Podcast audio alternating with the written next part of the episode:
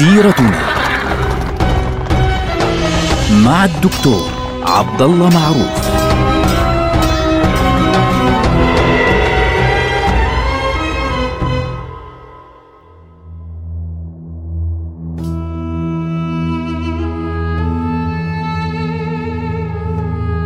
السلام عليكم ورحمة الله وبركاته. سيرتنا نبدأها مع سيرة رسول الله صلى الله عليه وسلم أول واضع لدستور هذه الأمة العظيمة. نحن الآن في مكة المكرمة ننتظر قريشا التي اجتمعت في ذلك اليوم في اجتماع خطير جدا. كان هذا اليوم صباحا اللي هو يوم الهجرة. سيكون صباحا هذا الكلام حدث في تقريبا في منتصف شهر صفر اللي هي السنة الأولى للهجرة الآن صفر اللي هو على فكرة الشهر الثاني قريش طلبت اجتماعا خطيرا جدا في الصباح وكان على رأس هذا الاجتماع أبو جهل. أبو جهل عمرو بن هشام. طبعا حضر عدد لا بأس به. حضر عتبة بن ربيعة وشيبة والنضر بن الحارث وأبو سفيان وأبو البختري بن هشام وأمية بن خلف وجبير بن مطعم والحارث بن عامر. يعني أعداد لا بأس بها من سادة قريش كلهم. طبعا تذكر رواية من الروايات أنه هناك شيخ لم يكونوا يعرفونه كان يقف على باب دار الندوة فلما أتوه سألوه من الشيخ؟ قال لهم شيخ نجدي. يعني أنا من نجد سمعت بالذي اتعدتم له فحضرت معكم لأسمع ما تقولون وعسى أن لا يعني تعدموا مني رأيا. فقالوا أجل فادخل. فدخل معهم. طبعا هذه الرواية وردت عند بعض المؤرخين ولم يكونوا يعرفون من هذا الشيخ. لعل هذه الرواية كما قال ابن هشام تبين لنا وجود إبليس في هيئة هذا الشيخ مع هذا الاجتماع. تخيلوا اجتماع يرأسه إبليس وفيه فرعون الأمة وفيه يعني سادة قريش. إيش راح يكون هذا الاجتماع؟ تمت المناقشة بين هؤلاء الناس. فبعضهم يقول يعني بدنا حل لمحمد فبعضهم يقول نحبسه والآخر يعني وبيطلع له بيقول له كيف تحبسونه؟ يعني لو حبستموه لكاثركم اصحابكم أصحابه عليه. آه فواحد بيجي بيقول لهم طيب آه نخرجه من بين أيدينا ولا نبالي أين ذهب يعني. فيقول لهم واحد ثاني بيقول لهم كيف تخرجونه لو اخرجتم وهذا اللي بده إياه أصلا هو يريد أن يهاجر. فيأتيهم أبو جهل ويقول والله إن عندي رايا لم أرى أننا وقعنا عليه بعد. إيش هو؟ طبعا قريش إيش اللي منعها من قتال أو قتل النبي صلى الله عليه وسلم ابتداء؟ تذكرون قبل سنوات لما بدأت حادثة المقاطعة العامة. بداية قصة المقاطعة لبني هاشم كانت إن قريش قررت قتل النبي صلى الله عليه وسلم. فبنو هاشم ثاروا واجتمعوا في شعب أبي طالب لأجل الدفاع عن رسول الله صلى الله عليه وسلم. فبالتالي كانوا خايفين قريش من حرب أهلية في حال اعتدوا جسديا على رسول الله صلى الله عليه وسلم أو يعني بالعربي الفصيح قتلوا النبي صلى الله عليه وسلم. فلذلك ما الذي حدث فعليا؟ أبو جهل وصل إلى حل لهذه المشكلة. قال لهم أنا أرى أن نأخذ من كل قبيلة من قبائل قريش شابا ذا نسب ونعطيه سيفا قويا شديدا فيعمدون إلى محمد فيضربونه ضربة رجل واحد، شو معنى ضربة رجل واحد؟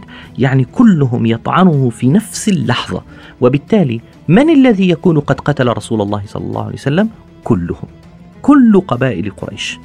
إيش الذي يعني سيستفيدونه من هذا؟ يقول فلا تقدر بنو هاشم أو بنو عبد مناف على حرب قريش كلها. يعني ما بيستطيعوا يحاربوا كل قبائل قريش يعني لكي يأخذوا ثأر محمد فيرضون منا بالدية فنديه لهم. يعني بنعطيهم مش بس 100 ناقة بنعطيهم يا عمي 200 ناقة وخلاص نعطيهم الدية تخلص القصة. فقال لهم الشيخ النجدي قال لهم هذا هو الرأي والله لا أرى لكم رأيا غيره. وبالتالي اجتمعوا على هذه الخطة الآثمة وهذه الفكرة على أن يفعلوها وينفذوها في تلك الليلة. إنه يجتمعون أمام بيت رسول الله صلى الله عليه وسلم فإذا أراد أن يخرج من بيته صباحا مساء في أي وقت يضربونه مباشرة. هذه الفكرة. يعني مش يدخلوا البيت يعني انتظروه عندما يخرج. الآن النبي صلى الله عليه وسلم هنا النبي صلى الله عليه وسلم طبعا متخذ كل الإجراءات. الآن يأتي موضوع التوكل. الله عز وجل الآن يتدخل بعنايته الإلهية لرسول الله صلى الله عليه وسلم فينزل عليه جبريل ويخبره الخبر انه الذي حدث واحد اثنين ثلاث ولا تبت الليلة في بيتك. نقطة. هذا هو الأمر. الأمر الإلهي أنه لا تبت في بيتك. طيب آه هل أخبره كيف يهاجر؟ لا. الموضوع هنا متروك للنبي صلى الله عليه وسلم. هذا اللي بدنا نتعلمه إحنا. التوكل إيش معنى يا إخواننا؟ أن تخطط وتجهز وترتب تدرس إذا أنت في الجامعة تعمل وتدرس وتسوي وتفعل كل ما تحتاجه فعليا ثم بعد ذلك تسلم أمرك لله سبحانه وتعالى. وبالتالي ما وسعك العمل بتقوم فيه. بعد هيك الباقي لله سبحانه وتعالى. هذا هو التوكل. مش والله تحط راسك وتنام بتقول أنا متوكل. لا أنت مش متوكل هون أنت متواكل. فالنبي صلى الله عليه وسلم جاءه الأمر لا تبت في بيتك نقطة. طيب ما الذي سيفعله؟ انتظر حتى صارت وقت الظهيرة اللي هي الناس في هذاك الوقت بتنام فيه تقريبا زي الساعة 2 بالليل تكون نايمة. وخرج من بيته متقنعا يعني عشان ما حدش يعرفه بالطريق. وطرق باب أبي بكر. فأبو بكر لما نظر بالكوة قال من؟ فقال محمد. فطبعا اللي بيروي الرواية هذه روتها السيدة عائشة ورواتها السيدة أسماء أيضا. فقال بأبي هو وأمي.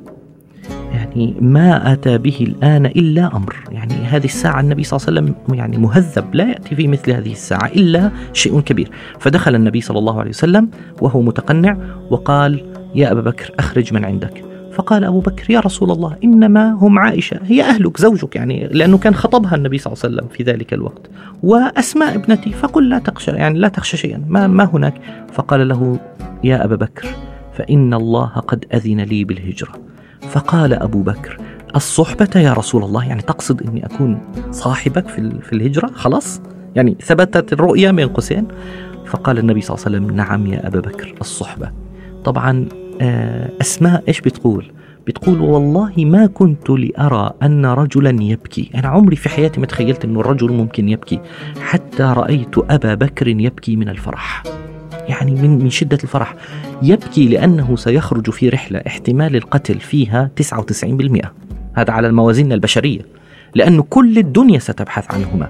فمع ذلك بكى من الفرحة رضي الله عنه وأرضاه. فجلس النبي صلى الله عليه وسلم مع أبي بكر ورتبوا الأمور أنه سنذهب إلى مكان كذا سنبقى ثلاثة أيام آه فلان بيكون عندنا كذا عامر بن بفهيرة بيعمل هيك عبد الله بن أبي بكر بيعمل كذا آه أسماء بتعمل كذا أنت بترتب أمورك كذا وكذا وكذا ثم بعد ذلك ننطلق من الطريق مع فلان. رتبوا الأمور كلها ثم اتعد النبي صلى الله عليه وسلم مع أبي بكر منتصف الليل تقريبا. إنه عند الليل بدنا آه، سآتيك ونخرج معا من كوة خلف البيت. هيك ترتبت الأمور.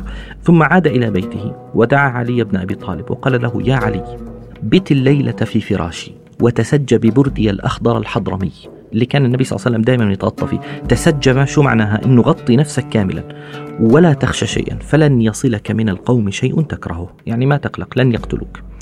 ورتب النبي صلى الله عليه وسلم هذه الأمور. وجاء المشركون عندما حل الليل. الآن بعد كل هذا الترتيب والتجهيز كيف سيخرج رسول الله صلى الله عليه وسلم من بيته؟ هنا يأتي التوكل. يعني هنا تتدخل مرة أخرى العناية الإلهية. لاحظوا العناية الإلهية برسول الله صلى الله عليه وسلم تتدخل متى؟ في أوقات الحاجة. لما خلص فعلنا ما نستطيع والآن الباقي لله. فكيف سنخرج؟ يخرج النبي صلى الله عليه وسلم وهو يقرأ قوله تعالى وجعلنا من بين أيديهم سدا ومن خلفهم سدا فأغشيناهم فهم لا يبصرون. ويمسك حفنة من التراب يضعها على رأس كل واحد منهم ترغيما لأنوفهم. كان على رأس هؤلاء أبو جهل. كان واقف يستهزئ بالنبي صلى الله عليه وسلم والنبي صلى الله عليه وسلم طبعا علي نايم جوا والنبي صلى الله عليه وسلم واقف عند الباب يسمعهم إيش بيقولوا. فأبو جهل يعني يستهزئ برسول الله صلى الله عليه وسلم ويقول إن محمدا يزعم إيش بيقول؟ إن محمدا يزعم أنكم إن تابعتموه على أمره كنتم ملوك العرب والعجم ثم بعثتم من بعد موتكم فجعلت لكم جنان كجنان الأردن وإن لم تفعلوا كان له فيكم ذبح ثم بعثتم من بعد موتكم ثم جعلت لكم نارا تحرقون فيها. فيستهزئ.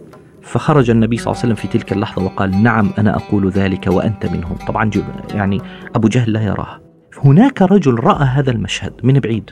أبصر وين كان رايح على الله أعلم وين. فرأى هذا المشهد لكن استغرب إيش اللي بيعملوه هذول؟ يقفون ومحمد يضع على رؤوسهم التراب؟ غريب. لكنه من جماعة إيه؟ من جماعة وأنا مالي يعني. وأنا مالي وحمل حاله راح فلما عاد هذا الرجل عند الفجر تقريبا أو قبل الفجر رآهم واقفين. فالفضول دفعه أن يذهب إليهم. قال لهم ما تنتظرون إيش واقفين تعملوا فقالوا ننتظر محمدا. قال خيبكم الله. والله لقد خرج من بين أظهركم وما ترك واحدا منكم إلا وضع على رأسه ترابا. فحطوا إيديهم على التراب. إيه في تراب لكن نظروا. قالوا له أنت مجنون هذا أبصر مجنون ولا سكران؟ هذا الرجل هي نايم في الداخل. فلم يسمعوا. قال لهم أنتم حرين وأنا مالي. وحمل حاله راح. فبقوا ينتظرون حتى الصباح وتحرك الرجل الذي في الداخل. نظروا وإذا بعلي بن أبي طالب فجن جنونهم. أين محمد؟ أين رسول الله رسول الله صلى الله عليه وسلم كان قد خرج في تلك الليلة بعيدا ناحية الجنوب مش ناحية الشمال باتجاه مكة لا راح باتجاه اليمن عكس الطريق. ذهب بعيدا عشر كيلومتر تقريبا في جبل اسمه جبل ثور. جبل الصعود إليه يحتاج تقريبا ساعة ونصف. فوقه يوجد غار صغير اسمه غار ثور يدخله مع أبي بكر وتبدأ قصة الهجرة الفعلية. نلقاكم على خير. السلام عليكم ورحمة الله وبركاته.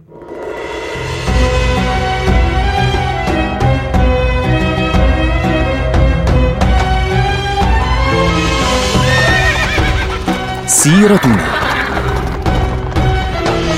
مع الدكتور عبد الله معروف.